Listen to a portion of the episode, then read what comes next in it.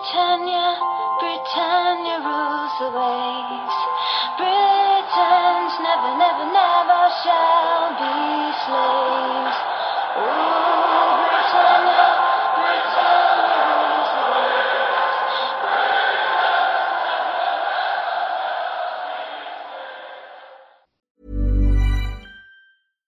Sandra, and I'm just the professional your small business was looking for. But you didn't hire me because you didn't use LinkedIn jobs. LinkedIn has professionals you can't find anywhere else, including those who aren't actively looking for a new job but might be open to the perfect role, like me.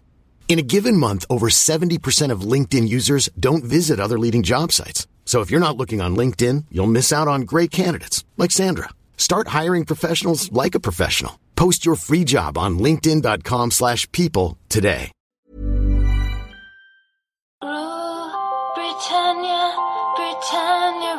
Rules the waves.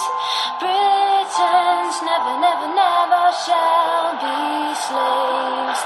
Ooh, Britannia, Britannia.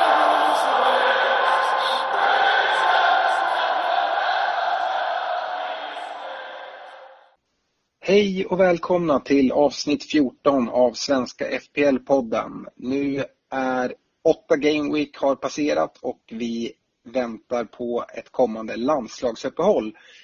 Eh, vi, eh, denna vecka så kommer vi gå igenom eh, Game Week 8, omgången som har gått. Vi kommer kolla på lite saker från veckan. Vi kommer kolla närmare på några utav de spelets allra dyraste spelare och hur de levererar. Vi kommer även kika på Bournemouths imponerande inledning utav Premier League och resonera lite hur, om det här kommer fortsätta eller vad som kommer hända.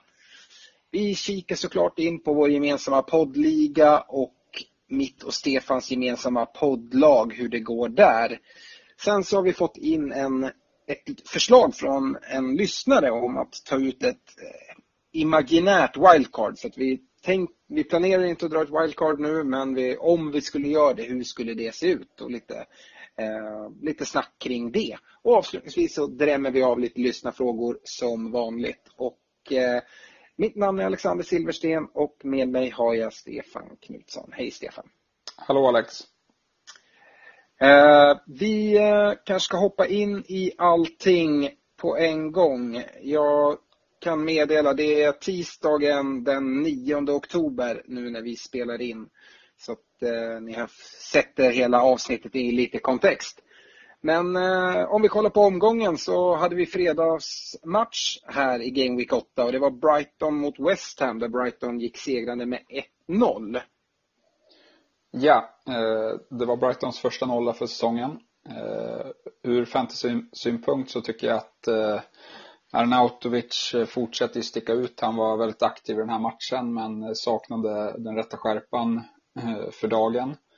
Eh, de har ju även Filippe Andersson och han har ju en utpräglad eh, kreatörsroll. Han ligger bakom mycket av det West Ham skapar i, i, i matcherna då. Och så även i den här matchen. Och så har vi Jarmolenko som faktiskt var rätt svag. I, I övrigt i West Ham så tycker jag väl att eh, får de ordning på försvaret så kan Balbuena eh, vara intressant då han är ett hot på offensiva fasta och han är bra i bonussystemet på eh, för defensiva poäng då. I Brighton så handlar det mest om, om Glenn Murray och eh, Ryan i kassen som är bra. Eh, sen har vi Anthony Knockart som eh, försöker eh, av allt eh, vad han kan men, men ofta så saknar han eh, den kvalitet som, som vi såg Pascal Gross eh, visa upp förra säsongen. Eh, så jag är ändå lite tveksam till honom. Men, men eh, han, eh, eh han absolut, han tar fasta, han försöker ligga bakom där. Men, men som sagt, i den här matchen så saknades eh, sista bollen. Har du Stefan någon information kring Gross där? Han har varit skadad en del och du pratar om att Knockout tar en del fasta. Eh, risken är väl att han kommer tappa en del fasta när, när Gross är tillbaka. Det är därför jag undrar om du, du har hört någonting. Nej, inte mer än att eh, han verkar ha någon mystisk eh, skada om det var eh, hans fotled, eh, tror jag. Eh, men, men som sagt, eh, han har varit borta längre än vad jag hade räknat med att han skulle vara. Eh, så det kanske är lite eh, en sån här eh, otrevlig skada där, där han är borta länge. Det hade ju varit, annars varit väldigt välkommet och, om han kunde komma tillbaka nu för Brightons matcher ser väldigt fina ut framöver. Ja, och det är ju ett landslagsuppehåll nu så att det är lite extra vila och återhämtning för honom. Så man vet inte, han kanske kommer tillbaka. Vi lär väl återkomma i, i frågan när vi får lite mer information. Mm. Kollar vi på lördagens matcher så um, hade vi ingen tidig match. Däremot vid, vid klockan tre brittisk tid så drog det igång ett antal och bland annat Burnley Huddersfield, eh, en match som slutar 1-1. Eh, och det här är för mig en riktig Championship-match. Det är två lag som eh, spelar typisk Championships-fotboll. Båda lagen skapar egentligen endast farligheter på fasta situationer och via inläggsspel. Och det visar sig även att det, båda målen kommer till på, på två nickmål på inlägg. Eh, Gudmundsson får ny assist. Eh, inte på, på liggande boll utan i öppet spel men eh, fortfarande via inlägg. Han har ju en väldigt fin fot och Burnley är vassa på huvudet. Så att, eh, han kan vara intressant fortsatt framåt. Eh, han tar, han tar två, två bonus eh, här i, i den här matchen. Eh, annars kan man ju notera att Huddersfield gör sitt första spelmål för säsongen. Eh, och av den anledningen så om man kollar ur fantasy-synpunkt så jag är inte det minsta sugen på någon ur eh, Huddersfields lag. Varken försvarsmässigt eller, eller framåt. Och eh, i Burnley, ja det skulle eventuellt vara eh, Hart i kassen eller i deras försvar, eventuellt. Men känner mig inte jättelockad och tycker det finns bättre alternativ. Och Gudmundsson då, Eh, det är väl han som ligger närmast för, för mig i alla fall. Eh, ja, ja, jag har inte så mycket mer att säga om den matchen. Jag har mer att säga om eh, flera andra matcher så att jag håller mig kort här. Kollar vi vidare så spelade Crystal Palace mot Wolverhampton en match där Wolverhampton går vinnande med uddamålet 0-1. Yes, och det är Doherty, Patricio och Jiménez som fortsätter plocka in poäng till en låg kostnad här i fantasy. Eh, matchen i sig var, var dock rätt jämn eh, och det känns som att Wolves vinner den här matchen på att de har bättre självförtroende. Eh, egentligen så är det faktiskt ingen som gör någon supermatch här i Wolves utan det är den trion som jag nämnde som är mest intressant. Doherty gör mål och får tre bonus men det var det enda, enda gången han hade något offensivt i den här matchen. Så så, men, men som sagt, de har ett starkt försvar eh, och det trillar in poäng och Doherty eh, och Patricio eh, är ju högintressanta och eh, även Jiménez levererar ju. Även om han inte gör mål så, så lyckas han plocka assistpoäng. I Palace så, så känns det ju allt mer som att Sa är alldeles för ensam i deras anfallsspel. Eh, de måste få tillbaka Benteke känns det som för att han, då, då får de någon form av annat hot i alla fall. Eh, I övrigt i den här matchen så var det Jeffrey Schlupp annars som hade flest eh, avslut utan att få utdelning. Ja, jag noterar ju, jag har varit inne på det här flera gånger tidigare, men jag noterar även att Wolves spelar med exakt samma start, startelva som de har gjort de andra sju gameweeken. Eh, och jag hörde någonstans ifrån att jag tror att det är första gången sedan Premier League bildades att det är ett lag som har startat med exakt samma lag de första åtta inledande omgångarna. Och det, det kan, tycker jag man kan ta med sig som så att eh, Wolves spelare är intressanta för att det verkar inte vara så stor rotation. Risken är ju dock att det kan senare under säsong se, se prov på utmattning eh, alternativt att det kommer några skador. Leicester mot Everton, en match som slutar 1-2 till Evertons favör. Eh, och vi kan väl säga, vi har varit inne på det tidigare, Everton har framförallt tuffa bortamatcher eh, och lite enklare hemmamatcher. Nu spelar de borta. Men eh, vi har även varit inne på det att just Richarlison verkar älska att lira borta. Eh, och dessutom så får han lira i den här centrala strikerrollen som jag varit inne på att han mycket väl kan komma att göra. Och han svarar för ett måltjuvsmål eh, då han dyker upp på bortre stolpen efter Bernards eh, fina dribblingsräd ute på kanten och sen ett inlägg som han lägger in och så finns Richarlison på bortre. Bernard tycker jag ser jätteintressant ut och han tar ju två bonus.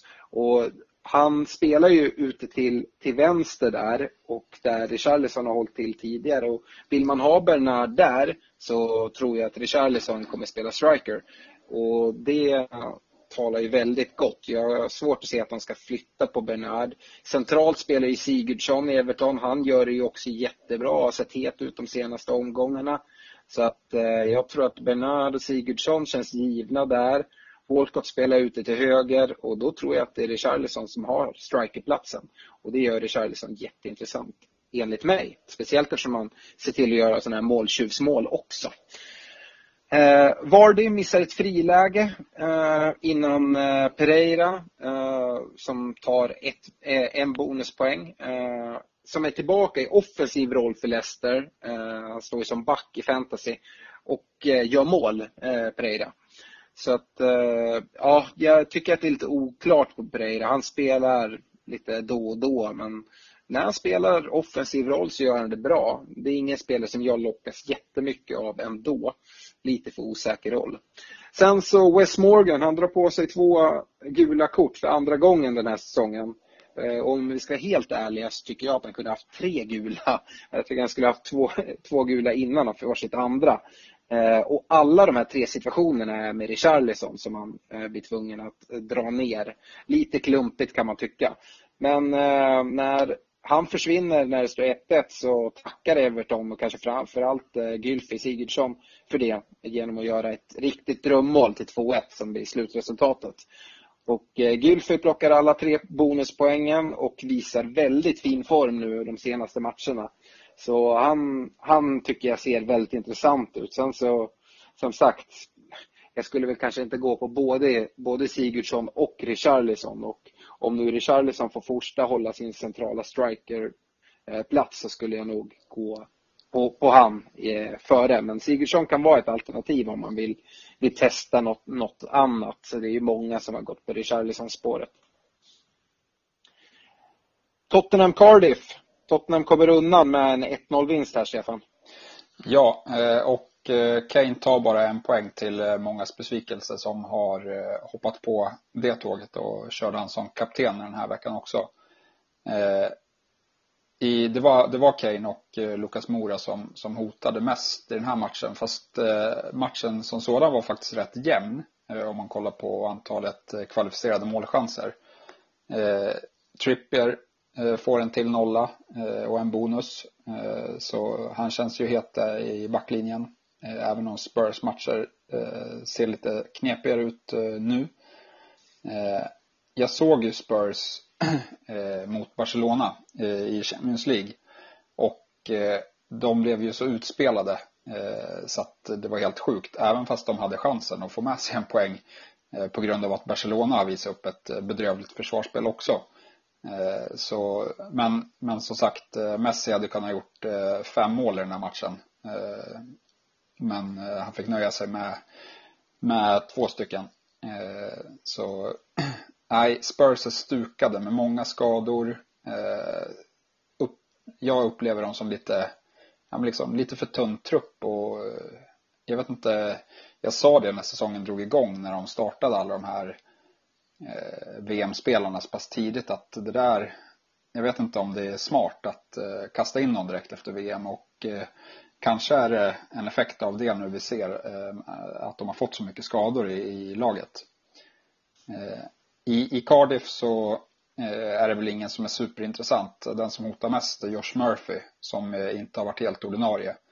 Eh, men, men han är i alla fall en av deras eh, en av de spelarna som hotar offensivt för, för Cardiff. annars kan man notera att Rose kliver av med en ljumskskada Eh, i slutet av matchen. Ja, och som sagt, du är inne på Tottenhams skadesituation och man kan lägga till det, nästan alla skador i Tottenham är just muskelskador som är ett tecken på att de har matchats lite hårt. De har inte fått någon vila här i sommar eh, och jag tror definitivt att det här eh, är ett resultat av VM som du är inne på. Sen så, det man kan säga är väl att Kane har inte dragit på sig en skada men den kanske lurar runt hörnet. Eh, det är väl inte alls omöjligt. Eh, så att, ja, det, det, kan man följa. Gällande Kane också så tycker jag det ser ut som att han har fått en liten ny roll i, i Spurs i år och eh, kanske inte för det positiva ur fantasy-synpunkt. Han verkar ligga lite längre ner i banan. Är det någonting du har lagt märke till, Stefan? Eh, nej, men, men Mora spelar väl eh, i alla fall av det lite jag har sett utav Spurs så spelar väl han rätt eh, offensivt central striker. Lite som man såg det mot United att han var, han var liksom eh, väldigt eh, högt upp och nästan som ett tvåmananfall där. Men ja, nej, annars har jag inte noterat det. Man, ska, man ska dock hylla Spurs för att de har plockat ihop 18 pinnar på de här inlämnade åtta omgångarna trots de här bekymren. Eh, men, men som sagt, jag, jag har varit frågande till Kane eh, länge och eh, som tur var så tog han bara en poäng här men det, det kanske inte skulle varit mer heller. Ja, jag hörde Erik Niva som är stor Tottenham-fan prata om just det här och inledningen att de ändå har så många poäng och han menar på, jag instämmer där, att det, det beror mycket på deras eh, lätta spelschema som de har haft han är väldigt orolig över hur Spurs ser ut och tycker att de inte har sett så här svaga ut på väldigt länge, även fast de har gjort den, den bästa ligainledning poängs, poängmässigt sedan Premier League startade. Eh, så att eh, ja, jag, jag är inte så imponerad av Tottenham och gällande eh, Keynes mer tillbakadragna roll. Vi funderar på att till nästa veckas avsnitt som vi kommer spela in på, på måndag i nästa vecka. Eh, kanske vi kommer kika lite närmare på den här statistiken som, som du kollade på förut Stefan och då tror jag att det kommer styra upp för att jag har jag har eh, kikat lite så här, eh, enskild statistik och ser att Kane har väldigt mycket färre eh, touches in the box. Eh, så att det, det bekräftar det, det som jag var inne på. Men vi släpper Tottenham Cardiff där och går vidare. Det spelas lite fler matcher och det här var väl kanske inte den allra roligaste. En mer målrik match var den match mellan Watford och Bournemouth som slutade 0-4 till Bournemouth. Och eh, Watford, Watford, Watford. Eh, jag har sagt det, poängen i kommer i vågor. Eh, och det var som sagt, de har inte kommit tillbaka efter det här eh, Eh, torsken de fick mot eh, Manchester United. Nu, nu tror jag att det här kommer vända snart eftersom att de har ett lite bättre spelschema och jag tycker ändå de ser bra ut eh, till en början mot Bournemouth. Sen så hinner ju Kabasele, han hinner på något märkligt sätt hinna dra på sig två gula kort på en halvtimme då de redan ligger under med 1-0. Eh, som dessutom blir 2-0 på straff efter hans andra gula kort. Och det är King som rullar in straffen. Eh, som sagt, lite synd om Watford som inleder väldigt starkt men eh, efter kontringen som leder till 1-0 så förstör utvisningen väldigt mycket. Eh, ser man till matchen så King gör två mål, plockar tre bonus. Wilson gör 1 plus 2 och tar två bonus så att anfallsparet i Bournemouth levererar ordentligt. Fraser tar äntligen poäng igen genom en assist efter att ha gått blank här i några, några omgångar. Eh, och självklart, eh, Chulebas i Watford tar ju en varning, vilket han eh, gör mer än varannan match. Och det gör att han är avstängd nu till nästa omgång efter landslagsuppehållet. Eh, så nu tycker jag han är intressant att kolla mot igen eftersom att han kommer fortsätta leverera assist både eh, i öppet spel men kanske framförallt via, via fasta situationer. Eh, inte nu såklart då han är avstängd nästa match, men därefter tycker jag han är riktigt intressant. En annan sak, Bournemouth har fått extremt mycket straffar. de har fått sex stycken straffar på de åtta första matcherna. och King är ju straffskytt nu och han borde vara intressant. Jag menar att det är inte bara tillfälligheter att det är så att de har fått mycket straffar. Dels har de haft ganska eh, bekvämt spelschema här i starten. Eh, och sen så är Bournemouth ett lag som är väldigt offensiva eh, och är mycket i motståndarnas straffområde. Så att det kan mycket väl fortsätta komma straffar när Bournemouth möter lite lättare motstånd. Och, ja, King. Eh, jag började eh, säsongen med honom och sen så bytte jag ut honom tidigt när jag märkte att han inte ens var straffskytt. Så att, ja, men eh, ja, King kanske kan vara intressant. Nu finns det mycket värde i, i budgetforwards men han kan vara en av dem man ska kolla mot. Kikar vi vidare och kollar på sista matchen för, för lördagen så var det ju ett pressat Manchester United som mötte Newcastle på Old Trafford och eh, vinner till slut med 3-2. Här är ju en speciell match. Det är, United hade inte vunnit på Old Trafford eh, i nästan två månaders tid. Och det är en match med två helt olika ansikten. Eh, när jag sätter mig ner och ska kolla första halvlek så går jag ifrån en kortis i början för jag är tvungen att springa och hämta en sak.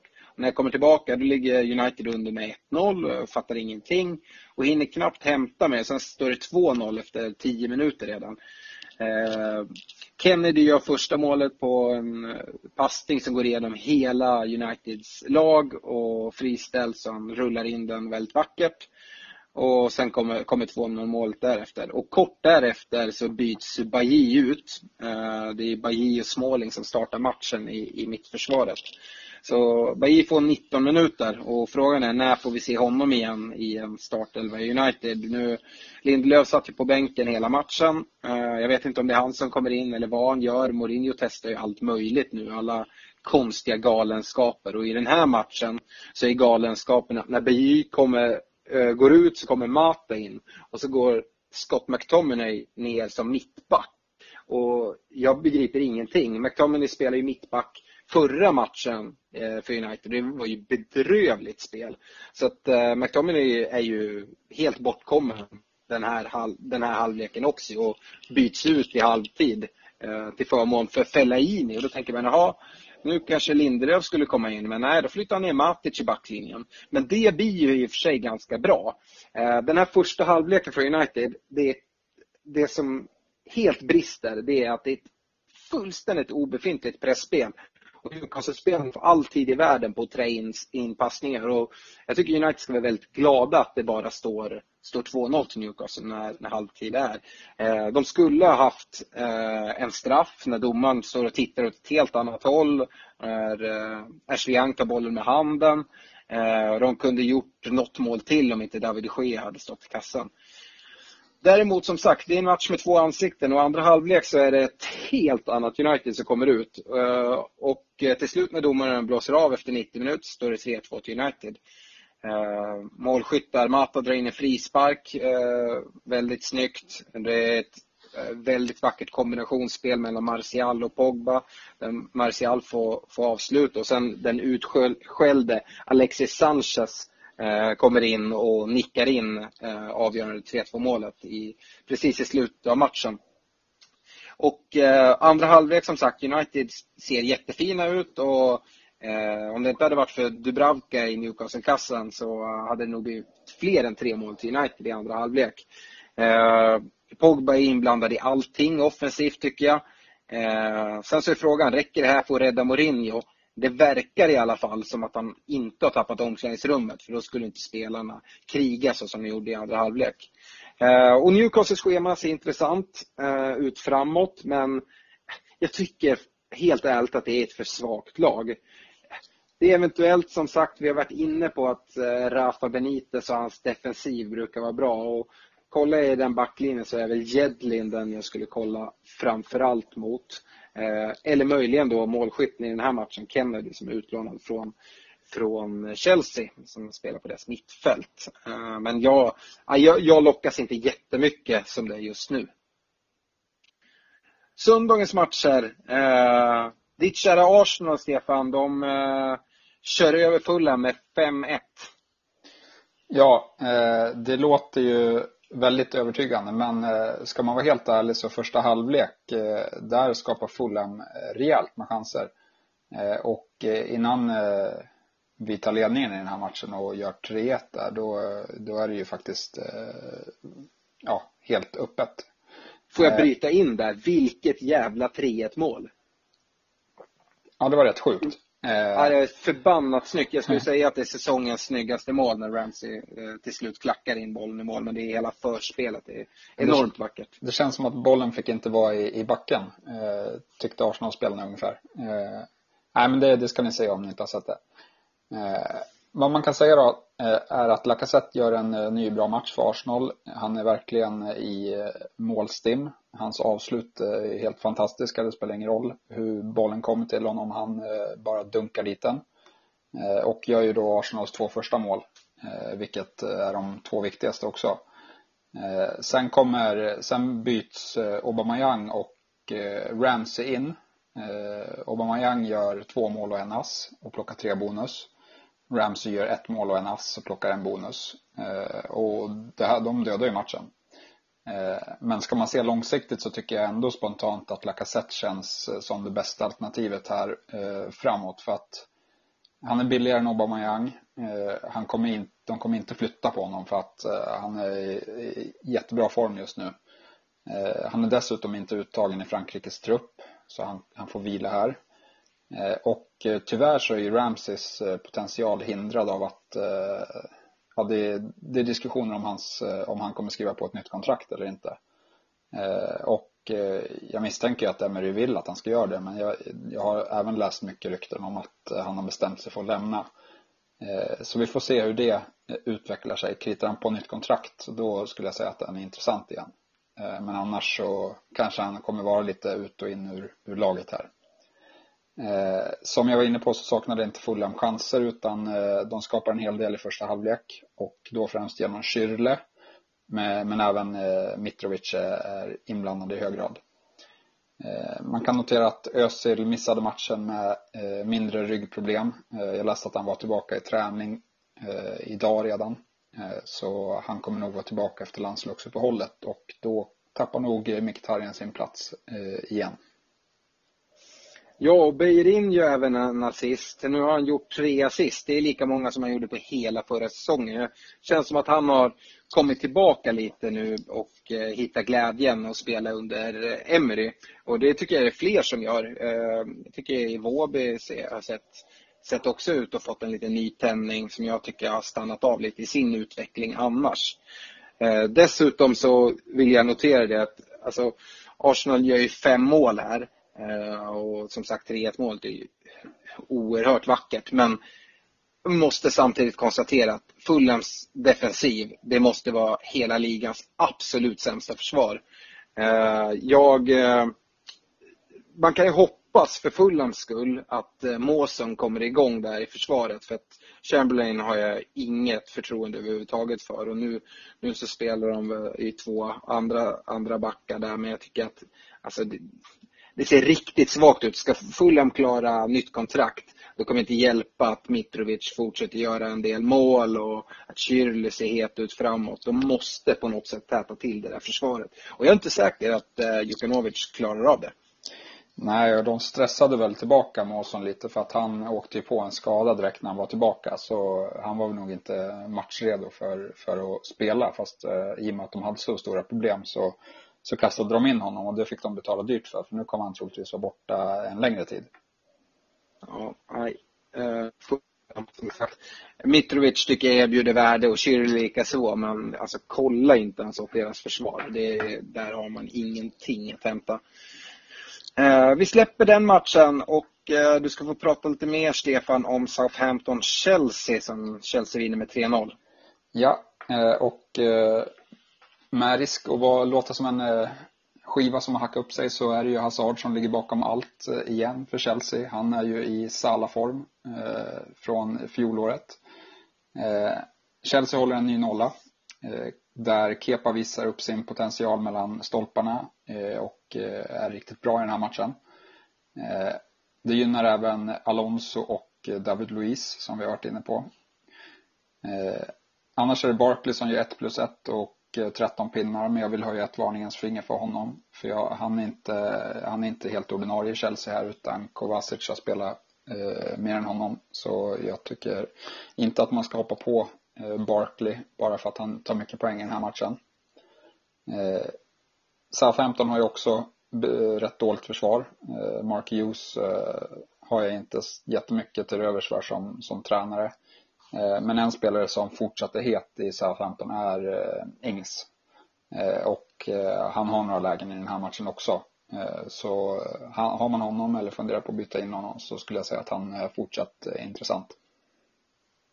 Ja, missar inte Ings ett helt öppet mål om jag inte såg helt fel? Jo, han hade ett riktigt bra läge som han, som han missade. Men, men han tar sig till lägen fortsatt och visst, han borde satt dit sitt läge här, men, men ibland missar man. Mm. Det, det viktigaste är att, att man tar sitt lägen, trots allt, om man ska kolla framåt. Apropå att ta sig till lägen så ska vi nu gå till Liverpool Manchester City och vår kära Mohamed Salah. Det här var ju Game Week 8 absolut största match och den som alla såg fram emot tror jag. Uh, lite besvikelse, eller ganska stor besvikelse. Det blir en 0-0 match. Jag tror alla har höga förväntningar men de infrias inte. Eh, ser man inför matchen ser man att Mendy nu är tillbaka och direkt in i startelvan. Eh, Lovren är tillbaka i Liverpools försvar vilket gör att eh, Gomes som har gjort det jättebra bredvid van Dijk, han flyttas ut på, på kanten till förmån istället för Trent Alexander-Arnold som jag tycker har gjort det väldigt bra. Lovren som kommer tillbaka, han gör ju en kanonmatch. Eh, det är ju väldigt vackert försvarsspel och han plockar alla tre bonusen och gör det mycket stabilt så jag tror att mittbacksplatsen är hans och att Gomes kommer få, få eh, framförallt eh, kanske roteras på mittbacksidan om någon ska vilas alternativt då få, få roteras med Trent på, på ytterbacksplatsen. Däremot skulle inte jag vara jätteorolig om man har Trent i laget. Dels tycker jag Gomes är en av Liverpools svagaste spelare i matchen. Han har gjort det jättebra som mittback. Däremot så lämnar han mycket att önska på ytterbacks, eh, i ytterbacksrollen. Sen så tror jag att Trent som är en mycket mer offensiv spelare än Gomes. Framförallt hotar han med, med fasta situationer och han har ett mycket giftigare inläggsspel. Så att jag tror att Trent lär, om de kommer rotera, så kommer Trent spela mot de sämre lagen och det är då man vill ha honom. Eh, det är då man vill ha Liverpool-försvarare. Och kanske Gomes får spela mot topplagen om man vill stänga igen och inte spela med så offensiv ytterback. Eh, det är i alla fall vad jag tror. Eh, Agüero, Firmino och Mané som jag vet att det är många fantasyspelare som har. Tillsammans har de alltså noll skott på mål under matchen. En stor besvikelse.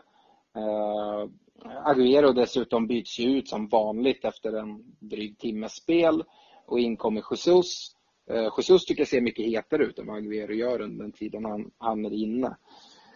Eh, annars så Milner går ut skadad, hamstringskada, så eh, det man kan fundera på där det är ju att Milner har tidigare varit på straffar. Om Milner nu blir borta ett tag, kan det vara så att Salah får straffarna eller är det Mané eller kanske Firmino som, som kommer ta dem? Eh, det får vi helt enkelt se. Jag har inte hört något från Klopp där. Eh, och apropå straffar så får ju City en chans att avgöra matchen i slutet då eh, Sané vräks omkull av van Dijk.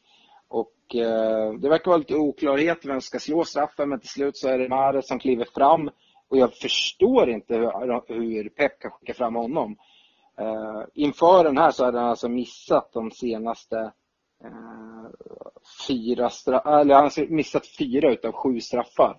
Och han, eh, jag tror bollen fortfarande inte har landat. Han, först när jag ser han slår straffen, han skjuter ju alltså över, bollen hamnar uppe på andra etage eh, på Anfield. Så att, då tror jag att eh, det är något fel vid straffpunkten. Det har man har sett några gånger att stödjebenet glider undan eller något sånt. Men på reprisen ser man det. Det är inga, inget problem alls med mattan utan han bara klipper i och får någon jävla konstig träff. Så att, eh, han bränner den. Så Mares har alltså nu missat fem av sina senaste åtta straffar. Eh, ja, jag förstår faktiskt inte hur han kan vara den bästa straffskytten. Agüero skulle ju såklart ha tagit den om han hade varit på plan. Men det är ju problemet med Agüero. Han får inte spela 90 minuter och ett lag som City, de nöter ju ner sina motståndare. Så ofta så rullar det in en hel del mål sista halvtimmen. Det är lite jobbigt om man sitter med Agüero när han byts ut varje gång efter 60.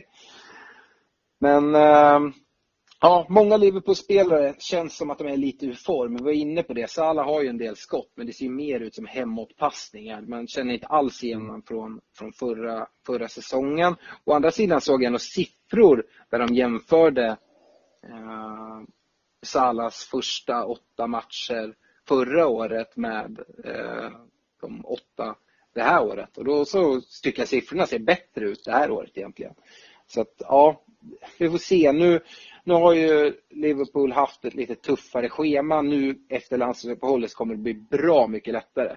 Och därför så kanske man ska hålla, hålla kvar i sina Liverpool-spelare. Men det är frågan vilka man ska satsa på egentligen. Vi, det får vi kolla på helt enkelt. Men de är intressanta efter landslagsuppehållet.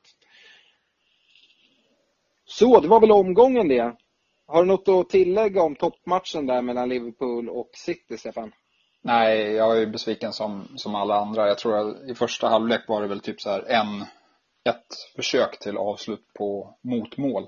Eller något sånt där. Eh, den var ju riktigt tråkig match. Eh, Liverpool försökte väl lite mer i andra. Eh, men som sagt rätt besviken.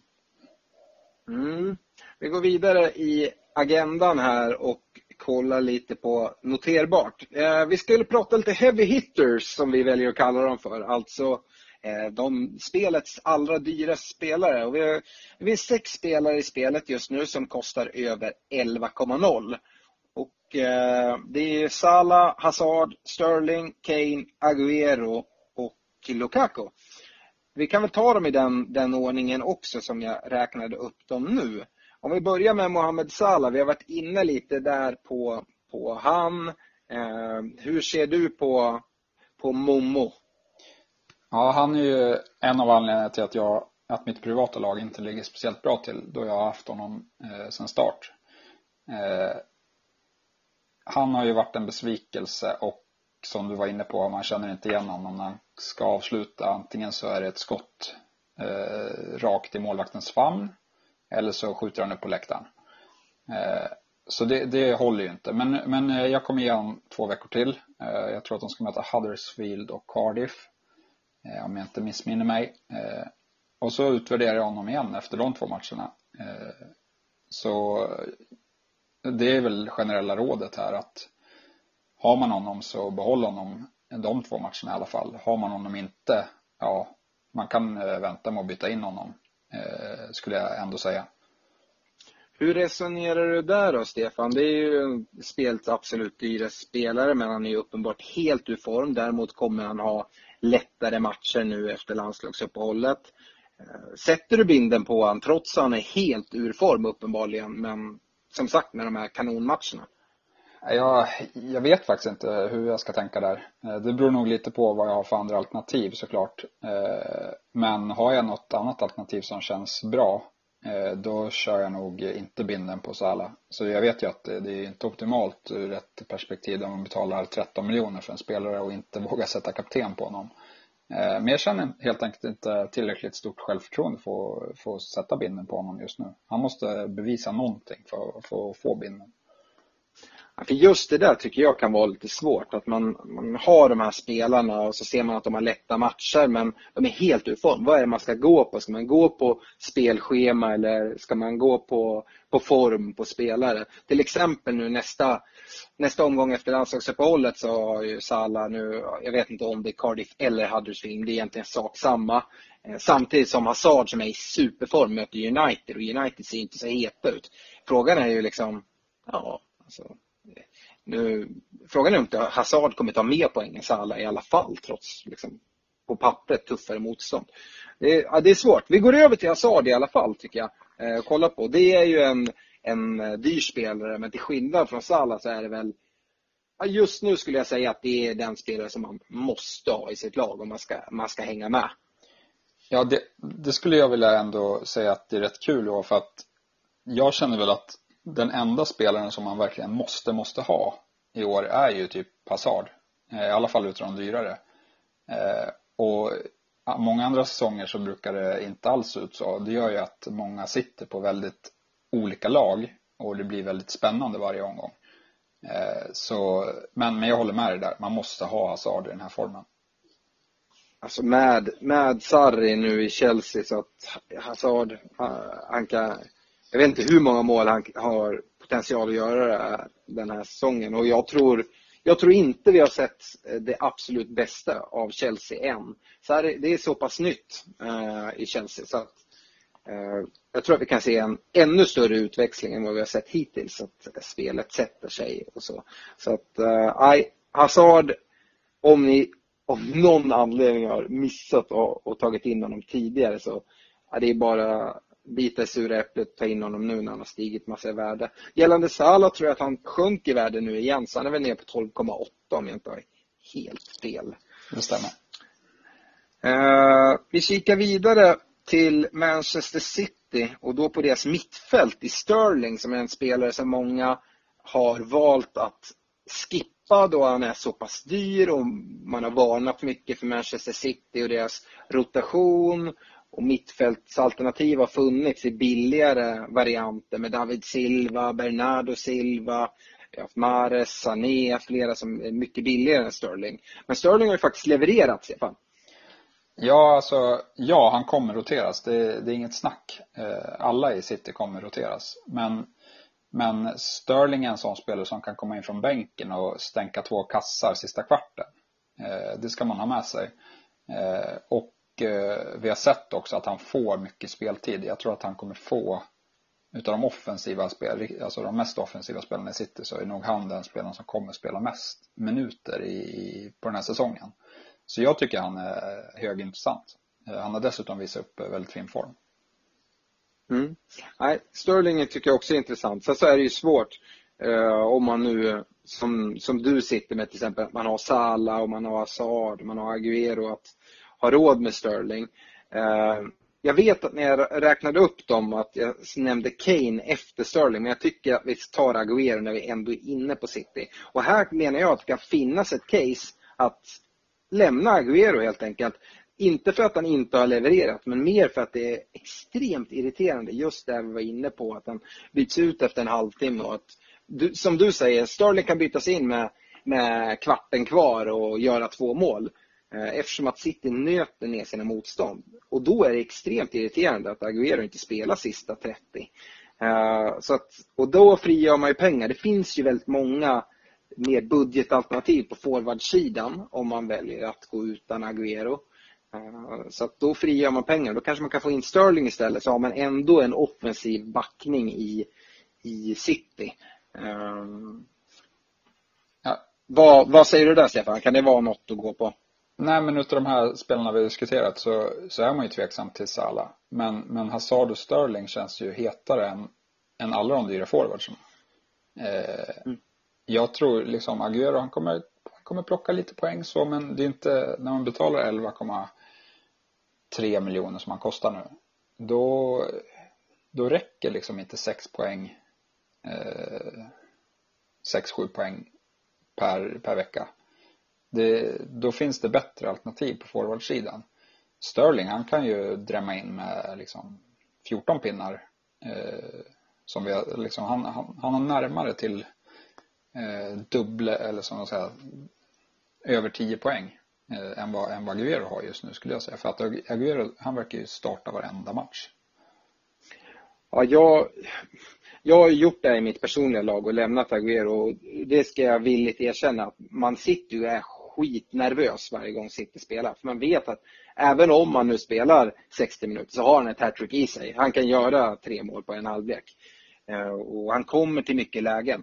En, en sak som jag har sett, som vi har pratat om tidigare Stefan väldigt mycket, det är Agüero att han trivs väldigt bra hemma på Etihad och däremot borta borta så har man tidigare säsonger sett att Agüero startar hemmamatcher och kanske vilas borta. Nu spelar han borta matcherna också. Men om man kollar till hans poängsnitt så tycker jag det är ganska intressant. På bortaplan har han ett snitt på 2,75 poäng per match. Vilket inte är speciellt bra om man pratar det priset som han, han har. Däremot hemma har han ett snitt på 10,25. Nu vet jag att det vägs upp av hans hattrick som han gjorde. Men han har gjort det väldigt bra eh, hemma. Och nu i och för sig sitter man med han i sitt lag efter landslagsuppehållet. Jag tror inte han är uttagen för Argentina så att han stannar nog i Manchester. Uh, och sen så möter de väl Burnley hemma tror jag. Så där kanske man inte... De har tuffa bortamatcher och bra hemmamatcher nu, tror jag. Och då, ja, hemma så är ju Agüero väldigt fin och kan mycket väl vara ett kaptensval. Men problemet med att han byter, byts ut i 60 minuten, utöver det jag upprepat säger att han eh, han eh, missar de här sista 30 minuterna då City ofta avgör matcher och då matcherna rinner iväg. Eh, det är ju att om de rinner iväg där sista, då går jag även miste om bonuspoängen som Agüero annars alltid har abonnerat på. Och eh, ja, sitter man med han som kapten då är det väldigt frustrerande att inte få bonuspoäng för Agüero som annars är en eh, superbonusspelare tycker jag. Ja, eh, då har vi sagt ganska mycket om Agüero här. Eh, om vi går vidare. Vi har två stycken spelare kvar. Det är två forwards. Och det är om man, in, om man då väljer att skippa Aguero eh, och inte gå på att ha tre lite billigare forwards och frigöra pengar till mittfältet med Hazard och Sterling och Salah och sådär. Så kan man ju välja att antingen gå på Kane eller Lukaku. Eh, om vi börjar med Kane så var det ju många som tog in han inför den här omgången. Och jag hade alltså han som rekommendation, vi kommer komma till det sen när vi går igenom det. Han tar en pinne, jag vet att det är många som tog in honom även och tar minus den här omgången som blev jättebesvikna. Uh, vad säger vi där? Nej, ja, vi, vi pratade ju en del om Kane i matchen omgången. Jag är, inte, jag är inte övertygad. Han kostar för mycket tycker jag. Eh, och Spurs ser slitna ut. Och lägg där till att varför skulle inte han kunna gå sönder om alla andra nyckelspelare som har spelat VM eh, går sönder. Eh, jag ser inte han så att han skulle ha någon överlägsen fysik kontra, kontra sina lagkamrater där. Så nej, för mig så är jag fortsatt inte intresserad av Kane. Dessutom så kommer Spurs få tuffare matcher här. Det som talar för Kane ändå, om vi ändå ska lyfta några argument för honom, det är väl att de här spelarna som har varit borta nu med Alli, Eriksen, Dembele som har varit så viktiga för Spurs spel och fått bra flyt. Eh, de borde väl komma tillbaka nu ganska snart och att om Spurs kan ha ett mer ordinarie lag så borde Kane få bättre leverans. Men som sagt, det som oroar mig allra mest det tycker jag är att han eh, sätter sitt pris är alldeles för sällan inne i boxen. Han har en helt ny roll för i år eh, och faller lite djupare och får agera lite mer kreatör. Jag vet inte om det bara beror nu på att Eriksen och till exempel Alli är, är borta skadade. Men uh, jag tycker det är oroande. Jag vill ha Kane i boxen om jag ska äga honom för det är där han gör, gör målen. Lukaku då i United? Ja, där, där vill jag väl ha ett tränarbyte eller att eh, Mourinho liksom bara eh, kör en sista offensiv satsning här i United. Som, lite som eh, inledningen av förra säsongen när United bara öste på offensivt. Eh, då var ju faktiskt Lukaku och Pogba intressanta och så fort man ser det i Belgien, så fort, det, så fort Lukaku kommer till Belgien då, ser han, då gör han typ eh, hattrick direkt. Nej men han, han presterar väldigt mycket bättre i Belgien än vad han gör i United, tycker jag. Mm. Nej, jag håller med där. Jag, jag sa ju det förra veckan, lyfte en äh, generell varningsflagg igen på United nu med, med Mourinho. Det, det som man ser nu mot, mot Newcastle i, i lördags, det är ju andra halvlek så släpper de ju loss fullständigt och bara full fart framåt om det skulle vara så att Mourinho tänker att, ah, vad fan, vårt försvar duger inte. Vi kommer inte kunna backa hem och hålla nollan i de flesta matcherna och vinna med ett mål. Vi måste gå, gå full fart framåt. Ser vi sådana tendenser, absolut, då tror jag att Agüero kan vara, eller Agüero, Lukaku kan vara jätteintressant. Uh, han, han är ju inblandad i de flesta av Uniteds mål och han är ett jävla djur där inne i boxen. Uh, sen så tycker jag väl den här säsongen att han har inte sett 100% ut när han väl får lägena. Men ja, om de börjar spela offensivt, absolut. Men ingen spelare jag kollar mot just nu. Där har vi alltid problemet att, eh, att Pogba är så pass mycket billigare också. Eh, och troligtvis också kommer ta en hel del poäng om United eh, börjar ösa in mål. Mm. Ja. Uh, ja, det, som sagt, just nu lockar inte Lukaku mig. Men uh, han kommer vara inblandad i fler av målen än vad Pogba är, tror jag, om de eh, kommer vara offensiva. Frågan är om han kommer vara inblandad så pass mycket mer av fler poäng än Pogba så att det är värt det eh, rent eh, prismässigt och sådär, den skillnaden. Så vi släpper de här uh, heavy hitters som vi valde att kalla dem för, alltså spelare över 11 och går istället och tittar mot laget Bournemouth som har fått en fantastiskt fin start. De ligger Ligger sexa nu efter åtta omgångar med 16 poäng. De har gjort 16 mål, vilket är väldigt imponerande. Ett snitt på två mål per match. Däremot så deras defensiv är ju inte kanon. De har 12 insläppta eh, och deras vinstrad ser ut fem vinster, en oavgjord, två förluster.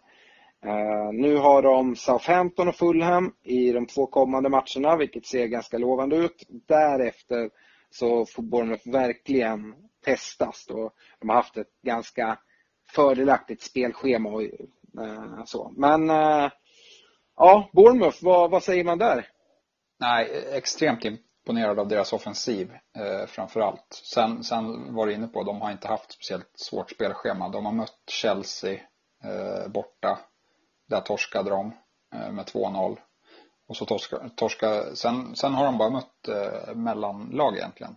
De har mött, ja, man, Everton kanske kan klassas som, som ett bra lag också. Då, då spelar de 2-2 på hemmaplan. Eh, men annars så, så eh, ja, har det varit eh, mellanlag eller lag från nedre delen av tabellen. Eh, rätt förvånande att, att de gick och spöade Watford med 4-0 skulle jag säga den här omgången då deras eh, förra bortamatch resulterade i en 4-0 förlust faktiskt mot eh, Burnley. Så, så nej, jag tror att eh, jätteimponerande inledning men det kan nog bli tuffare när spelschemat eh, blir tufft. Ja, jag flaggar ju även för den matchen i helgen mot Watford där utvisningen egentligen ställer, ställer allting på ända. För att fram till utvisningen, även om Bournemouth hinner göra 1-0 innan utvisningen kommer, så har Watford massor med lägen. Eh, och Bournemouth, Bournemouths defensiv är inte bra. Jag, eh, jag tycker att, jag vet att det är många som sitter med, vi har det i, i poddlaget och jag har mitt personliga lag också, Fraser på, på, på mitten där. Eh, och det är, det är många som sitter med, med Wilson eller eh, King på, på, på topp. Jag tycker att man bör nu kolla på en liten exitplan där. Eh, Om man har två spelare från Bournemouth, säg att man sitter med Wilson och Fraser, så bör man i alla fall kolla på att ta bort minst en av dem. Eh, inte kanske nu direkt eftersom de möter Southampton och Fulham och som vi sa kanske ligans två sämsta försvar.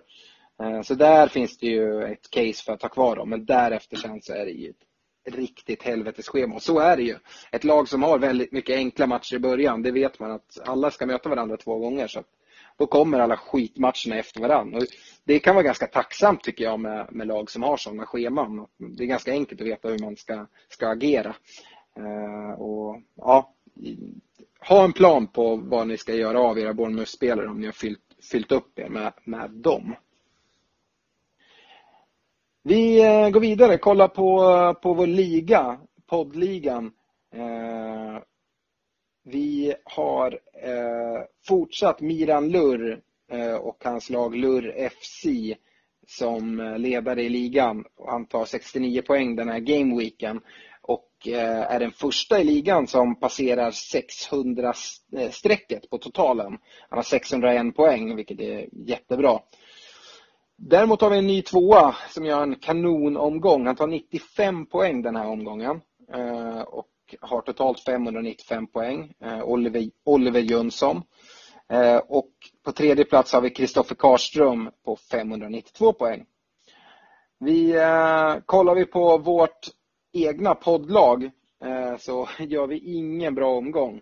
Vi tar 59 poäng men man ser det framförallt på vår placering. Vi går från plats 36 i ligan till 81. Så det känns rätt surt. Dessutom så har vi haft rätt kapten. Vi har inte gått i den här Kane-fällan som många gjorde och tog in honom och satte kapten. Där vi hade Hazard som kapten som gav oss sköna 28 poäng. Men det var ungefär de poängen vi fick. Eh, en, en kul grej, mitt personliga lag har faktiskt just nu exakt samma poäng som vårt poddlag. Jag började ju så fruktansvärt dåligt men nu har jag kommit tillbaka. Jag tog 87 poäng den här rundan. Så, nej, det var riktigt, riktigt härligt om man ska se någonting positivt. Men eh, poddlaget, ah, där lyckas vi inte riktigt just nu.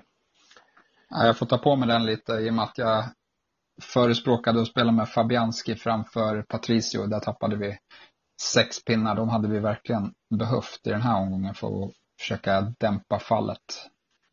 Ja, du har ju ditt frikort på kaptensvalet och det kan du få fortsätta med här med Hazard. Det var vi överens om att vi skulle ha, men hade vi haft Kane så hade jag argumenterat för Kane. Eh, men eh, i övrigt just nu så dina val för ditt personliga lag heller faller inte jätteväl ut. Eh, yes, vi, vi tog ut van Dijk förra veckan och satte in eh, Alexander Arnold, men han fick ju bara sitta bänk både i, eh, i matchen i sig men även i vårt lag. Så det var ju för att frigöra pengar. Och vi har redan gjort ett tidigt byte eh, som vi hade planerat långt innan. Och det var ju att ta ut Peltier eh, mot antingen Docherty eller Jonny pratade vi om förra avsnittet, men det är Docherty vi har tagit in. Eh, vi gjorde det eh, tidigt för att inte eh, förlora massa, massa pengar på det. Och det känns väldigt bra. Nu, vi, vi förklarade ju det tidigare eftersom vi har kvar, har kvar van Bissaka i laget trots att Crystal Palace kommer ha riktigt tufft schema så behöver vi stärka upp och har inte råd att ha en bänkspelare som, inte, som är skadad och inte, inte spelar. Så därför var Peltier tvungen att ryka. Eh, precis som du nämnde hade vi Fabianski i kassen tar tre poäng istället för Patricio som tar nio. Eh, vi har haft lite problem med det här egentligen hela säsongen, mer eller mindre, att välja rätt målvakt. Så att, eh, här får vi skärpa till oss lite. Eh, vi återkommer väl egentligen, nu är det ju landslagsuppehåll så att i nästa avsnitt som vi spelar in så går vi mer in på hur vi planerar att ställa upp laget och sådär. Eh, så vi, vi, släpper, vi släpper ligan och, Ehm, eh, och poddlaget och eh, följer istället upp våra rekommendationer från förra veckan.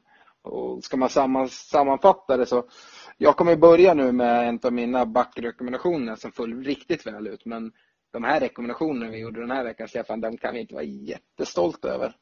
Däremot, eh, jag rekommenderar Docherty. Han plockar 15 poäng på försvarsledaren. Så att där kan jag slå mig lite för bröstet, även fast det, det är väl, jag är inte ensam i världen och har sett att Docherty är en bra spelare. Men eh, han gjorde det riktigt bra. Nu hade vi inte inne honom i poddlaget, så de har tagit in honom först efteråt. Så vi får hoppas han fortsätter leverera så att poddlaget kan avancera lite grann. Eh, du å andra sidan eh, rekommenderade Maguire i Leicester. Ja, det blev inget bra. Eh, Leicester levererade inte och det slog ju hårt i mina rekommendationer då jag hade Maguire och Madison på back och mittfält. Eh, båda besvikelser här mot, eh, mot Everton då eh, och kanske drabbade eh, lite av den där utvisningen på Morgan som vi var inne och pratade om tidigare.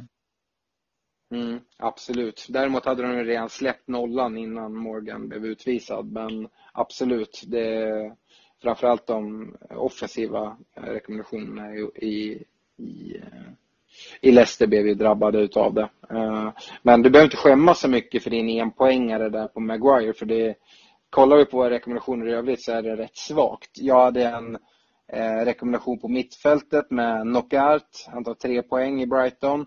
Det är ju en långsiktig rek som har flera bra matcher. Samtidigt som du var inne på när vi pratade i matchgenomgången så, ja, alltså, det är ingen spelare man förväntar sig något underverk och liksom eh, dubbelsiffror, alltså 10 poäng och, och uppåt eh, för. Utan det är en möjliggörare. Eh, men eh, ja, jag vet inte han, han, kan, han gör inte bort sig att ha i sitt lag om man då har råd att ta in bättre spelare. Men man ska inte förvänta sig några stor, stor summor fram. Men tre pinnar blev det den här omgången. Du fortsatte på Leicester med Madison som tar två pinnar i matchen. Ja, jag vet inte om, om det finns så mycket att säga mer än att jag har inte sett eh, så mycket därifrån. Men, men som sagt, han, han levererar inte. Men, men jag håller ju ändå fast vid vid båda de två spelarna då, då Leicesters eh, schema ser riktigt bra ut efter att de har mött eh, Arsenal här. Yes, ja, nej Leicester är ju intressanta fortsatt, det, det håller jag med om. Eh, Forwardsidan. Eh, jag hade ju Kane, det var en pinne. Du hade Arnautovic, det är också en pinne. ja, det är, det är skandal. Så, så, som sagt. Men det var många, många utav de eh, ägda spelarna som, som inte levererade i den här omgången. Eh, mm. Det ska vi ha med oss. Så som sagt, jag tycker om vi ska prata Arnautovic så det är han som, som är den spelaren som allt kretsar kring i West Ham. Eh, och göra mål, då är det väldigt stor sannolikhet att han är inblandad i det. Och eh, sett till lägena i matchen så hade han mycket väl kunnat gjort eh, en balja i den här matchen. Ja, och det tillagt med West Hams spelschema så är det ju fortsatt intressant med honom. Eh, varningsflaggorna. Eh, jag, jag, jag varnade för Pogba lite för att hoppas att få igång United med och, och sätta min varning. Men även mycket kopplat till han och Mourinhos tjafs och, och sådär, att han kunde bli bänkad. Det tror jag inte att han kommer bli nu. Som sagt så all offensiv kraft i matchen mot Newcastle går genom, genom Pogba. Eh, och nej, han, han ser fin ut men ja, med Mourinho som tränare så eh, jag, jag, jag kommer inte byta in honom i alla fall. Han tar fyra poäng i den här matchen eh, och du varnade för Saha eh, som tog två poäng. Ja, och eh, det här var väl Palace lättaste match på spelschemat kommande fem omgångarna så den varningen kvarstår med kraft kan man säga för Saha. Yes. Eh, kaptensvalet eh, har vi varit inne på. Vi valde ju, på, eh, valde ju Hazard i vårt poddlag. Det var din rekommendation Stefan, han tar 14 poäng och är ju en klockren kaptensval. Och framförallt när den största konkurrenten i kaptensdiskussionen, Kane, bara går ifrån med en poäng som var mitt, min kaptensrek. Ja, men det var ju enda rekommendationen här som, eh, som tog några poäng för, för mig eh, i, i veckan. Men, men ack så viktigt, eh, som du var inne på, eh, 13 poängs skillnad mot, eh, mot Kane. Det, det kostade på för de som eh, valde Kane den här omgången. Eh, så kaptensvalet är väldigt viktigt och det vet vi om. Mm. Differentialval eh, så var jag inne på Vardy eh, som ägdes av 4,5 procent. Jag vet inte riktigt hur många som äger honom nu, inte supermånga fler skulle jag tro. Eh, han tog ju två poäng, däremot så brände han i friläge tyvärr. Den vill man ju att han sätter dit om man har honom.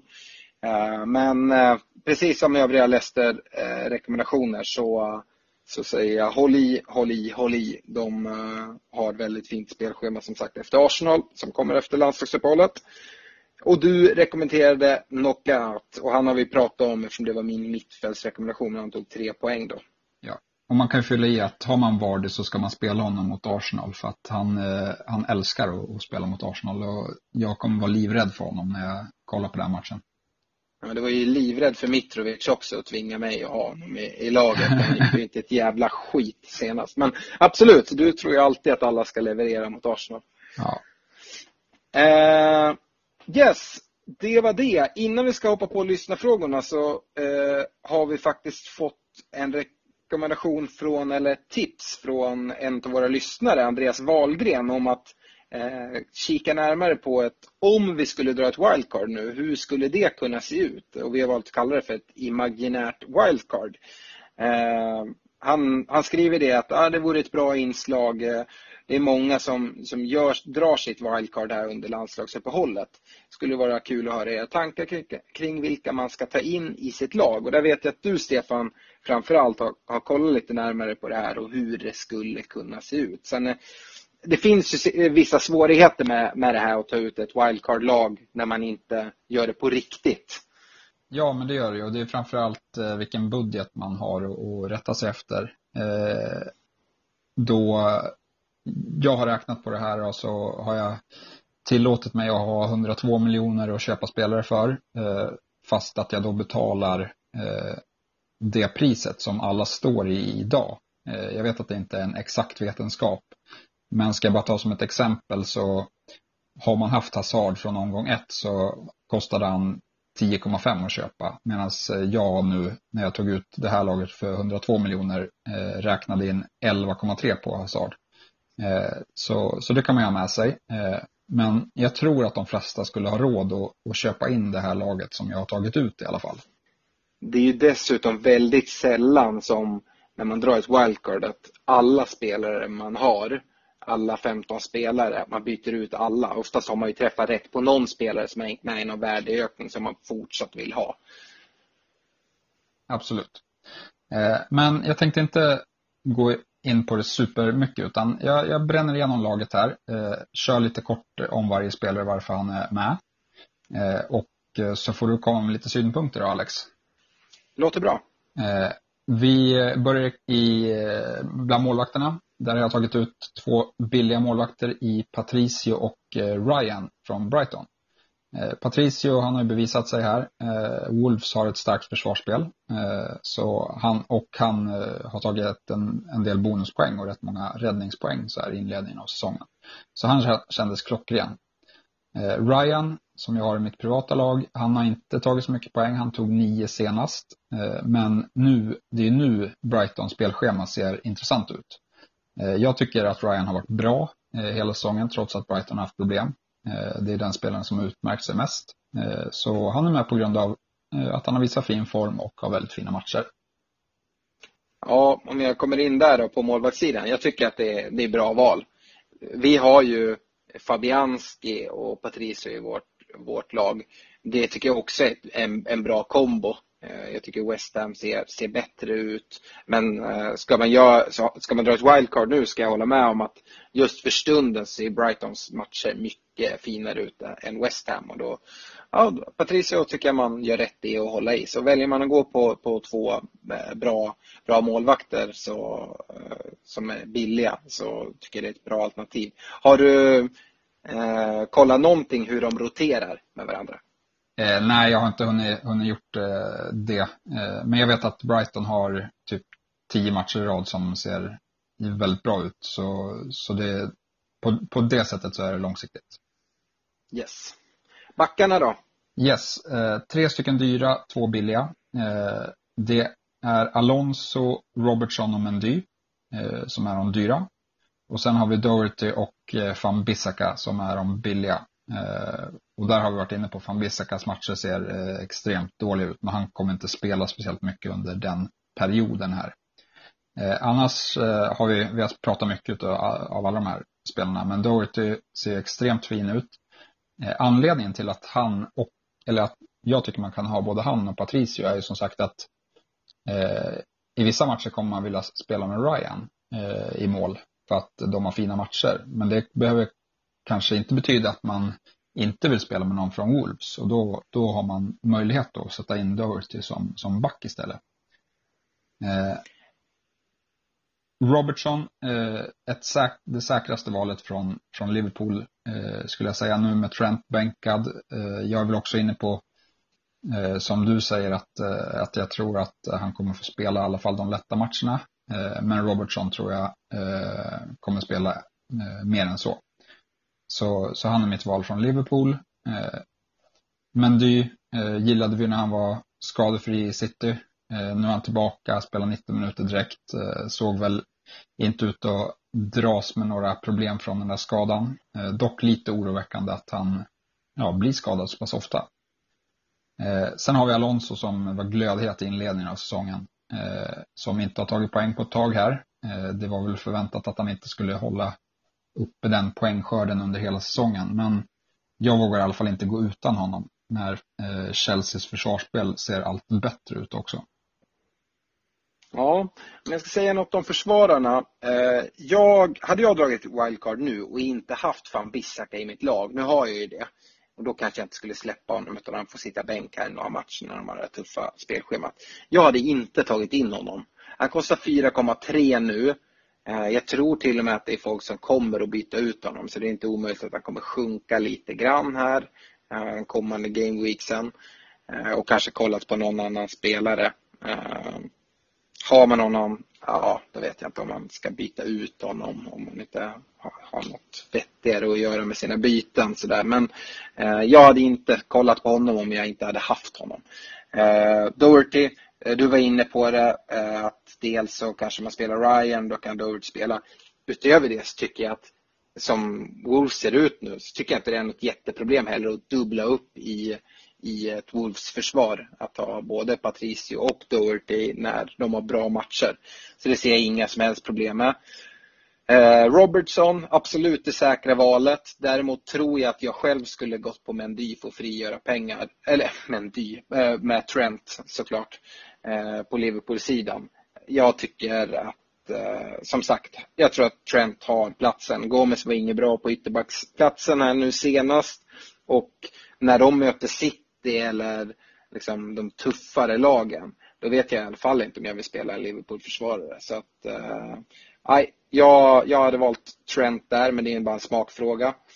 Eh, men det tycker jag är jätteintressant. Det är många som lämnade det skeppet när eh, skadan kom. Eh, jag tror att han kommer bomba på som, som tidigare. Nu, nu så var City ganska försiktiga mot Liverpool och man såg både Walker och Mendy höll tillbaka lite grann.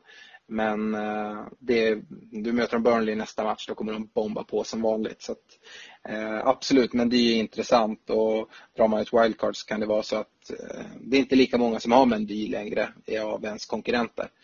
Och sen Alonso.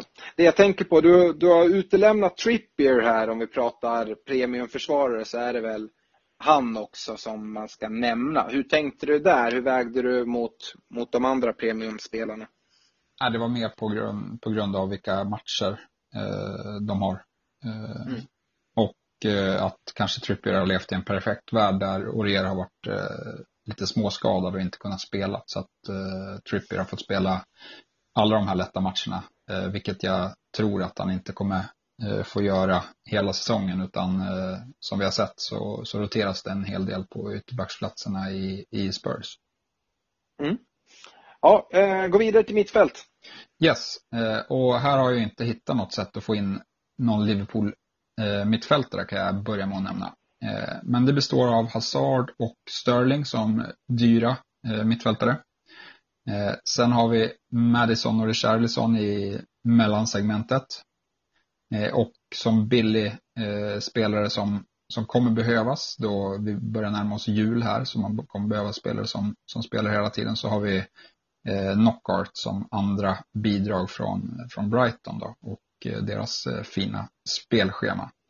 Eh, men, men man ska tillägga att jag inte är helt övertygad om Knockart. Det kanske skulle vara smartare att bara spara in ännu mer pengar på den platsen eh, och välja någon eh, billigare spelare där. Eh, eventuellt Kennedy då från, från Newcastle.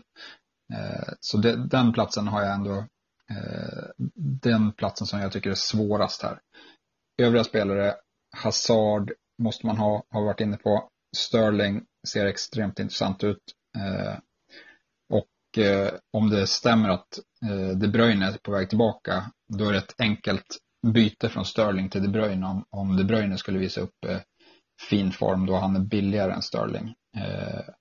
Annars så kanske det gynnar Sterling ännu mer att De Bruyne kommer tillbaka och styr upp bollarna fram till de offensiva spelarna i City där.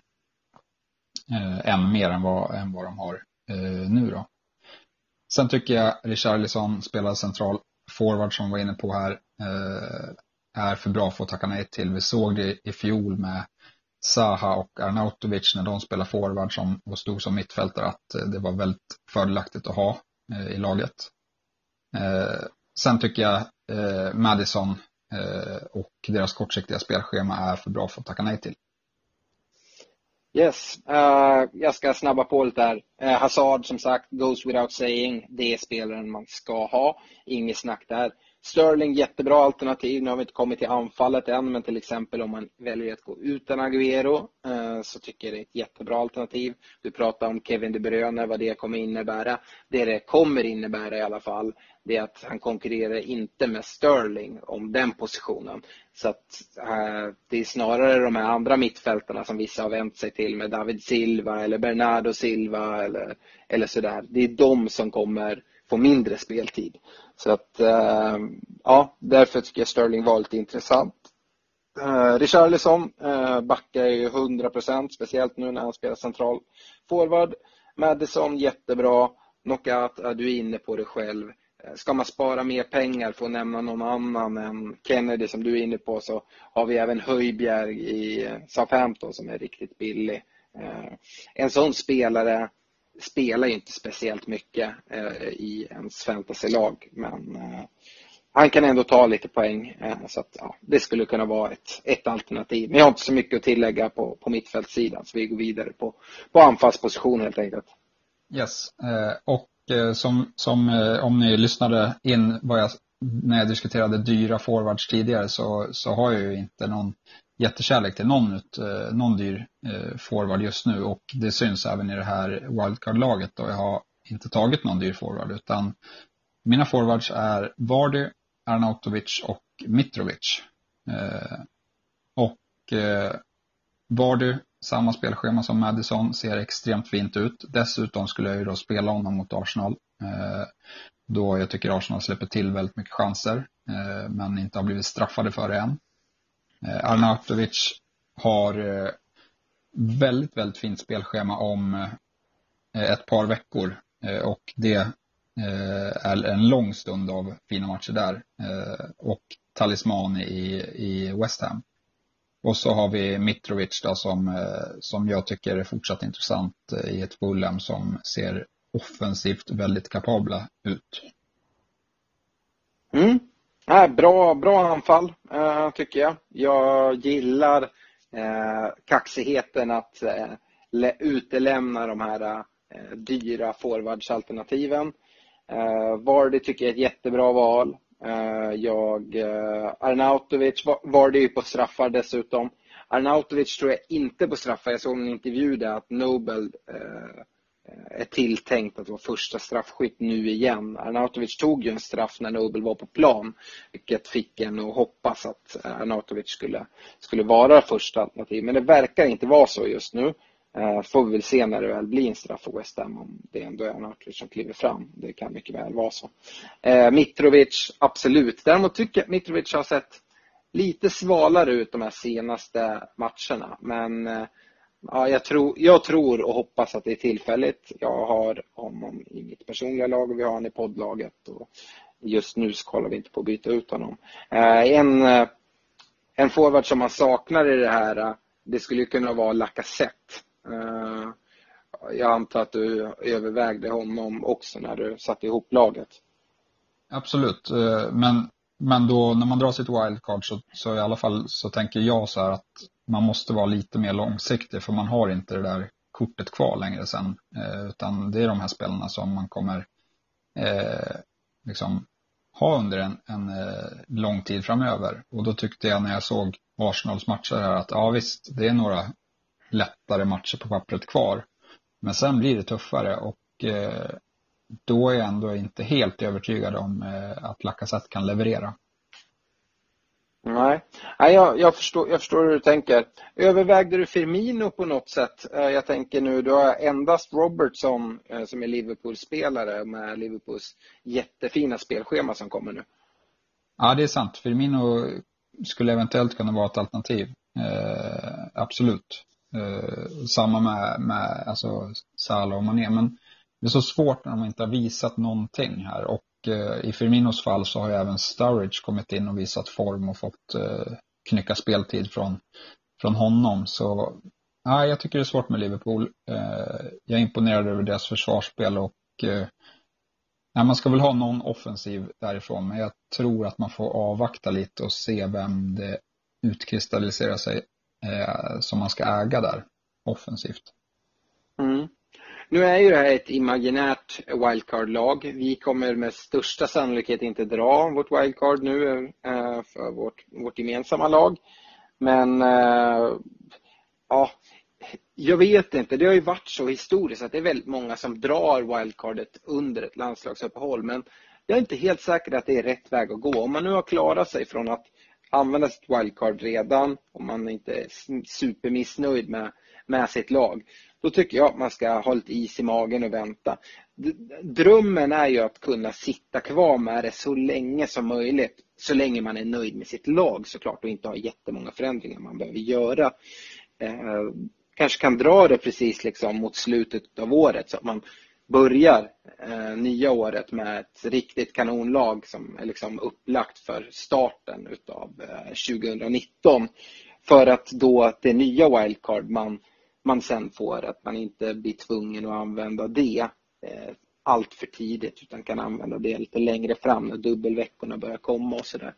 Ehm, så ja, nu har det varit så. Vi spelade fyra game weeks, sen kom landslagsuppehåll. Nu har vi spelat fyra till, alltså så vi är uppe i åtta. Nu kommer ett landslagsuppehåll. Sen kommer det vara så att vi spelar fyra game weeks till. Eh, väldigt eh, lägligt. Så vi efter game week 12 så kommer vi ha ett nytt eh, landslagsuppehåll. Så om man nu gillar att dra i landslagsuppehåll så ja, eventuellt så kanske man ska eh, liksom vila lite eh, från det här om man inte känner att man absolut vill, vill dra det. Men där har ni ett alternativ till, eh, till wildcard-lag. Eh, I alla fall lite diskussion kring intressanta spelare. Jag tycker att du hade fått ihop det rätt bra där, Stefan.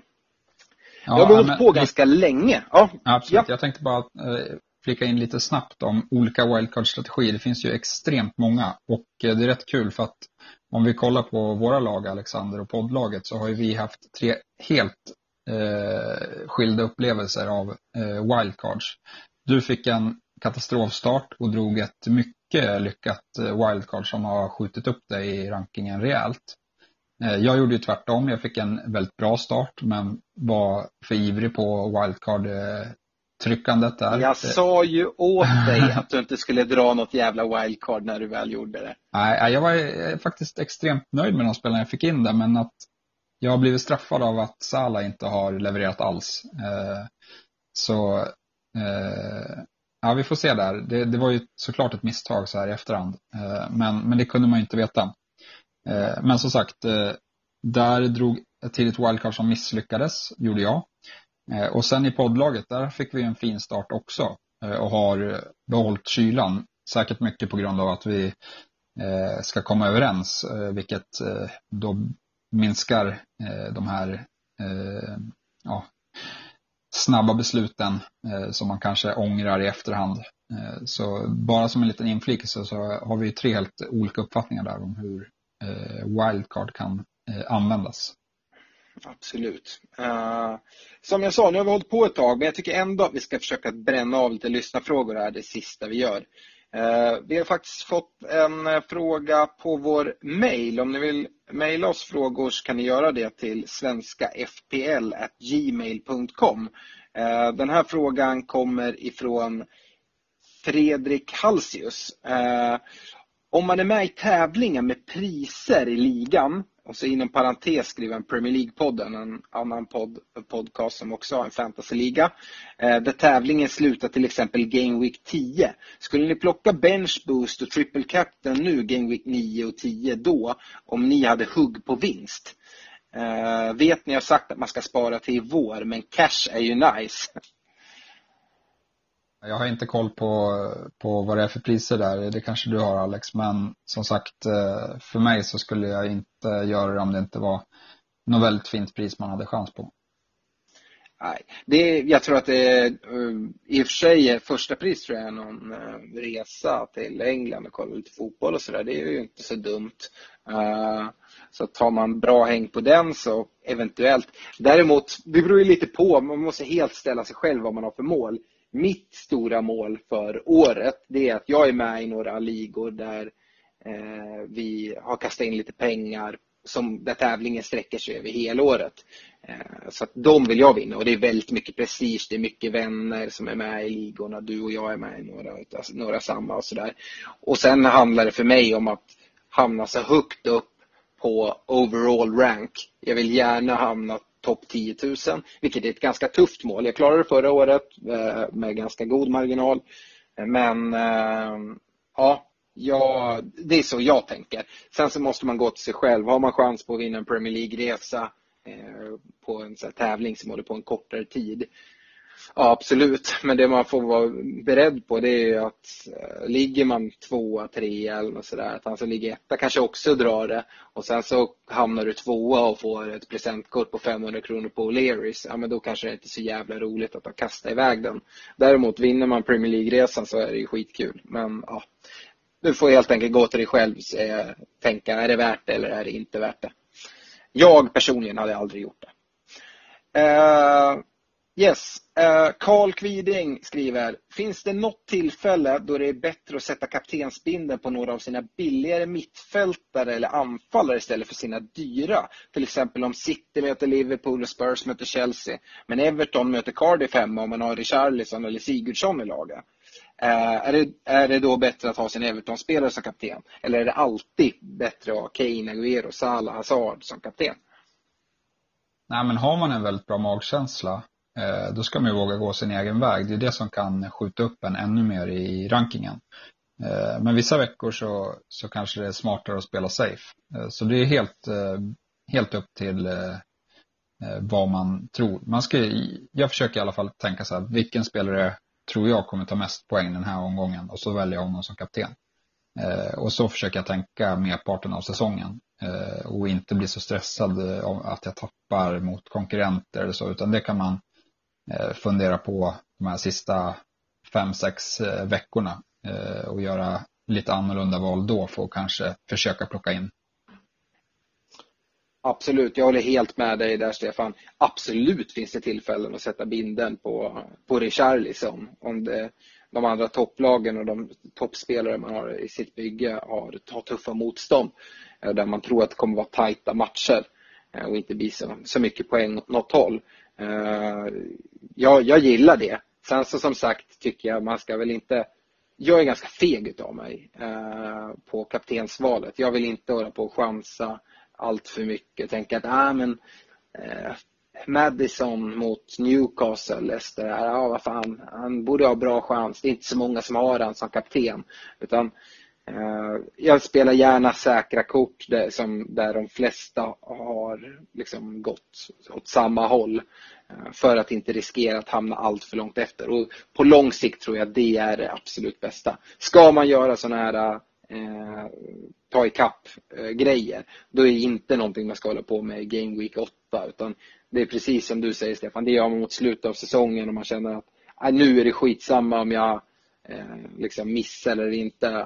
Alltså jag går för seger i min min kompisliga och då kommer det krävas att jag hittar lite spelare. Dels differential-spelare generellt i bygget men kanske även en kapten som inte alla sitter med. Eh, ja, eh, Mattias Jernström behöver få loss kapital för att uppgradera i backlinjen. Vem av Vardy, Lacazette, Agüero ska jag sälja? Vi har varit inne lite på det här. Ja, absolut. Men då, då inför den här omgången så skulle jag inte sälja Agüero. Men efter den här omgången, då tycker jag att man kan sälja honom. Ja, och Vardy Lacazette är spännande tycker jag. Ja.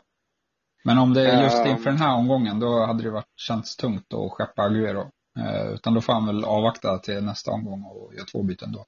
Ja, de möter ju dessutom Vardy och Lacazette varandra här nästa omgång. Eh, men ja, nej absolut. Men eh, jag har ju skeppat Aguero och tagit in Vardy och frigjort pengar. Eh, jag var även inne på att ta Lacazette in också. Det gjorde jag inte, tyvärr nu efter hur det såg ut i helgen. Men äh, ja, jag... Med, med risk att Agüero kommer göra skitbra ifrån sig nu här framöver.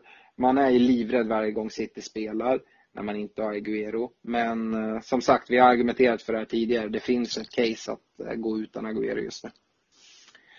Eh, Björn Jönsson, det här har vi också pratat om i och för sig, har börjat snegla åt Newcastle eftersom de har lätt spelschema nu. Det finns många bra backar i andra lag som tänker mest mittfältare och anfallare men hittar inte värde i några spelare där. Har ni några tankar kring spelare som man borde ta in från Newcastle? Nej, jag, jag säger Kennedy som billig femte mittfältare är väl mitt eh, offensiva tips från Newcastle ändå. Ja, om ens någon. Mm. Eh, fint schema som sagt, men jag, jag litar inte på Newcastle. Uh, jag litar framförallt på dem defensivt. Precis som man säger finns det så mycket bra värde där i till exempel Wolverhampton uh, och van Bissek. Alltså. Uh, Okej, okay. den här har vi prata lite om, men det är svårt, jag vet inte. Men Martin Svensson skriver What to do med Sala och Mané. Ja, har man dem så ska man behålla. Eh, jag skulle dock inte byta in. Eh, det är klart att man kan eh, liksom chansa på att byta in Sala eller Mané nu innan nästa omgång för att liksom ja, men hoppas på att de ska leverera. Eh, men som sagt, eh, som i alla fall Sala känns det som att där måste man ju offra två byten för att få in honom om man inte sitter med väldigt mycket pengar på banken. Eh, så ja, jag tycker, jag tycker det är svårt där. Jag har ju Salah i, i privata så alltså, jag kommer ju behålla så det är rätt lätt beslut för mig. Men om man inte sitter med någon utav dem, då är det ju svårare. Jag har ju Mané i mitt privata och det är även han vi har i poddlaget. Jag tycker han har sett iskall ut. Eh, ja, jag har någon känsla däremot att om jag byter ut honom så kommer han leverera. Men samtidigt är han kvar så kommer han säkert inte göra Så kommer man lockas och ta honom som kapten för att han har en bra match och sen så eh, har man två poäng eller något sånt skräp. Uh, jag tycker det är jättesvårt. Jag, ja, jag, jag, jag kan förstå om man säljer dem nu också. Men det är en chansning som sagt med deras lätta spelschema. Eh, vi avslutar här då. Challe Bengtsson Jarup skriver in. Han har två frågor. Först en snabb fråga. Richarlison eller Sigurdsson i Everton? Ja, den är knepig. Eh, men Richarlison är billigare så därav honom. Men som sagt, Sigurdsson är i väldigt fin form. Ja, och jag tror att det är färre som sitter med Sigurdsson. Så om man vågar gå den chansningen med risk då att Richarlison kanske får fortsätta spela forward och ta poäng så ja. Men eh, Sigurdsson ser intressant ut. Sen är jag inte säker om Sigurdsson fortsatt är på straffar när han brände nu senast. Eh, så ja, ja jag säger också Richarlison om jag måste välja. Det, Fråga två. Det var, ingen ja. jätte, det var ingen jättedålig straff kan vi väl tillägga. Den var, den, han slog den i ribban. Uh, jag tror att han har fortsatt förtroende. Å andra sidan, en straff i ribban eller utanför kan aldrig gå in. Absolut. Så det är en dålig straff. Men om man jämför med Mares straff så var den inte dålig. Ja, jo, jo, jo men då, då ska man ju jämföra med vad som helst känns som. Eh, fråga två i alla fall, det sista som får knyta ihop avsnittet. Vem bör man byta David Silva mot om man vill ha en given startspelare och kanske till och med spara en slant? Fraser, Gudmundsson eller har ni några bättre förslag? Ja, det finns, eh, där finns ju såklart Sigurdsson, Richarlison, Madison. Eh, också alla bra alternativ. Jag skulle inte byta in Fraser nu när deras spelschema blev sämre. Eh, Exakt men, vad jag tänkte. Men, men eh, Gudmundsson har ju sett riktigt fin ut för, för Burnley. Då sparar man ju också mycket pengar. Eh, så ja, jag tycker att de som jag nämnde där i alla fall, de är alla alternativ. Ja, men jättebra, jag, jag håller med där. Eh, vi, vi tackar för alla lyssnarfrågor som kommer in vecka efter vecka. Jätteroligt att så många som hör av sig. Hjälp jättegärna till och berätta för vänner och bekanta om, eh, om podden och hjälp oss att sprida den. Det är kul ju fler lyssnare vi har. Det, vi är väldigt tacksamma över alla lyssnare vi har och är lite smått i chock över eh, all feedback och så många lyssningar vi får vecka efter vecka. Men eh, vi växer gärna ännu mer. Så eh, ja, hjälp till att sprida ordet. Och om ni inte har gillat vår Facebook-sida än, se till att göra det där. Vi kommer ut med lite live-videos där vi pratar närmare deadline om eh, hur vi tänker med vårt lag och olika tips och tricks. Vi, ger ut eh, lite info om presskonferenser, vad tränarna säger. Eh, vi samlar även in, om man inte skickar mail då med lyssnarfrågor så kan man även skriva dem på vår Facebook-sida och lite sånt där. Man kan även ja, starta diskussioner med andra lyssnare. Eh, så att, eh, gå in och gilla den om ni inte har gjort det. Annars så tycker jag att vi tar och avslutar avsnittet här och tackar för den tid ni har tagit er och lyssnat och önskar er ett eh, okej okay landslagsuppehåll och så hoppas vi att inga av era spelare drar på sig några skador här när de är iväg med landslaget. Eh, så återkommer vi nästa vecka med inspelning redan på måndag då eftersom att vi behöver styra om lite på grund av eh, privata skäl. Eh, ja, lycka till i fantasy. Nu är det ingen omgång till helgen men här framöver så eh, hörs vi framåt. Ha det bra, hej! Ja, ha det bra, hej då!